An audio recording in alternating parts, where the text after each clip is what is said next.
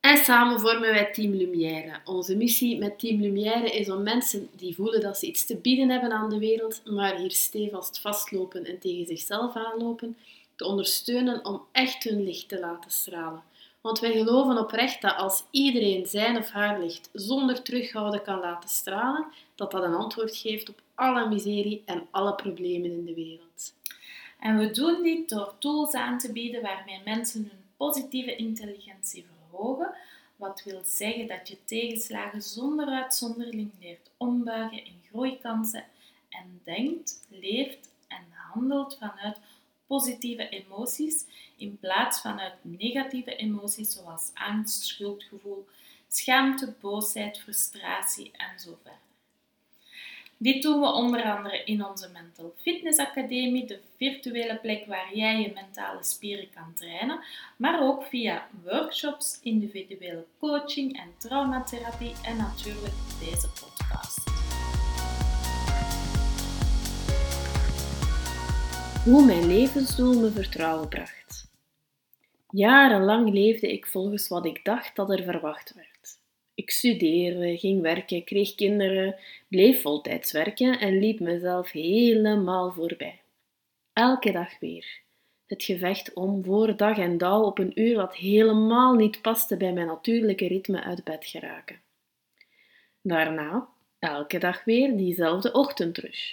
De kinderen achter de veren zitten of vaak regelrecht gewoon opjagen, want anders mis ik mijn trein. Elke morgen weer stress en gedoe. En ik die alles behalve de beste versie van mezelf ben voor mijn kinderen. Dan de gebruikelijke tour om iedereen op zijn of haar bestemming te krijgen. Nee, geen quality momentje van samen zijn, zoals dat nu wel het geval is als ik mijn dochter naar school breng, maar vaak een pijnlijk stille rit waarin we allemaal bekomen van de veel te drukke ochtend. Eindelijk op de trein.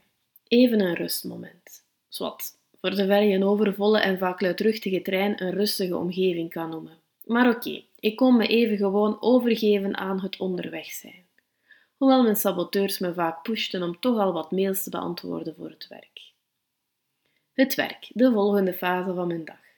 Een hele dag vanuit saboteurmodus presteren en mezelf bewijzen. Met een veel te groot verantwoordelijkheidsgevoel, waardoor ik een magneet voor extra werk bij me droeg. Deed ik het graag? Tja, ik deed het niet echt niet graag, maar daar bleef het wel bij.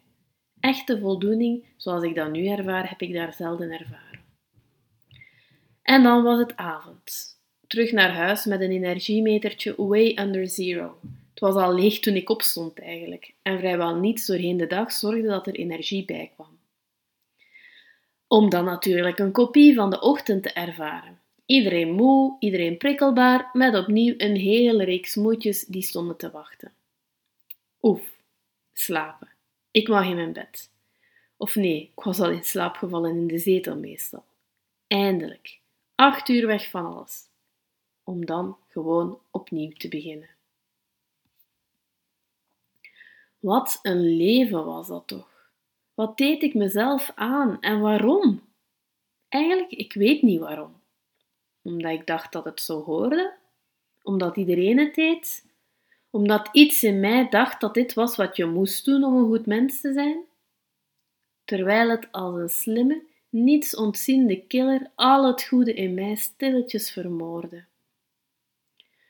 Ik ben zo dankbaar dat mijn lijf op een bepaald moment besliste dat het genoeg geweest was. Swat, moment zelf was dat niet het geval natuurlijk, integendeel. Toen probeerde ik er nog met man en macht tegen te vechten. Gesmeekt, ik heb echt mijn lichaam gesmeekt om me niet in de steek te laten. Terwijl het mij dus eigenlijk net aan het redden was. Want had het aan mijn hoofd gelegen, ja, dan was ik nu nog altijd bezig op dezelfde manier.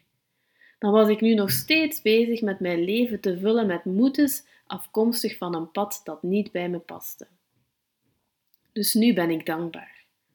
Toen wist ik het even niet meer. Alle handvaten waar ik me al heel mijn leven aan vasthield, bleken zelfsabotage te zijn en brachten me duidelijk geen geluk. En ik had toen oprecht geen flauw idee hoe het anders kon. Even spannend, van springen in een zwart gat gesproken. Maar ik kon gewoon niets anders meer dan springen. En hoewel het razend spannend voelde, kon ik ook ergens diep van binnen een vertrouwen voelen dat alles goed kwam. Het was nog een fragiele verbinding met heel wat ruis op, maar mijn ziel liet toen al van zich horen. Dus sprong ik en gaf ik me over aan de flow. En zoals het altijd gaat als je helemaal in overgave gaat, je krijgt altijd exact wat je nodig hebt op dat moment. Bij mij was dat mijn coachingsopleiding, die onwaarschijnlijk onverwacht op mijn pad. Synchroniciteit, wat een woord, ik kan het nooit in één keer goed uitspreken, noemen ze dat. Ik heb er trouwens ook een blog over geschreven waar je meer over kan lezen. Tijdens deze opleiding leerde ik niet alleen coachen, maar nog veel meer transformeerde ik als mens. Het was een echte ontdekkingsreis naar de meest pure versie van mezelf, mijn kern, mijn ziel. Een van die life-changing dingen die ik ontdekte op deze reis was mijn levensdoel. Mijn diepere why, datgene wat ik vanuit mijn kern te bieden heb aan onze wereld. De reden waarom ik hier ben. Echt, het weekend waarop ik rond dit thema gewerkt heb, was magisch. Ook al kon ik het toen allemaal nog niet zo goed verwoorden en had ik toen nog geen flauw idee over hoe ik dit dan concreet moest gaan vertalen in acties, de puzzel is daar op dat moment in elkaar geklikt. En ik voelde het. Ik voelde dat ik thuis kwam. Ik voelde gewoon dat het klopte. Grappig, want terwijl ik dit aan het inspreken ben, voel ik datzelfde gevoel weer. Het is echt zalig. Ik ga er even van genieten en het helemaal laten binnenkomen. Mijn levensdoel is sindsdien verder geëvolueerd en is vooral veel helderder en concreter geworden. Maar vanaf dat weekend in Hamburg, want daar ging mijn opleiding door, heeft het me als een vuurtoren de weg gewezen. En dat doet het vandaag de dag nog steeds. Hoe hard de storm op zee ook mag zijn, en geloof mij, het stormt regelmatig nog eens stevig, de stralen van de vuurtoren laten me altijd weer weten wat mijn pad is, waar ik thuis hoor en waar het veilig is. Ik meen deze echt oprecht. Het ontdekken van mijn levensdoel is een van de mooiste cadeaus die het leven me gebracht heeft. Het is mijn brug naar een onverwoestbaar en aan altijd aanwezig vertrouwen. Ben je benieuwd naar ons levensdoel, dat van Elena en van mij, en hoe we dit vertalen en wat we vandaag met Team Lumière doen? Dan moet je zeker eens naar onze podcastaflevering hierover luisteren. Echte moeite. En nu mag ik dit mooie cadeau verder delen met de wereld. Bestaat er een hogere voldoening dan dit, vraag ik me af. Echt oprecht.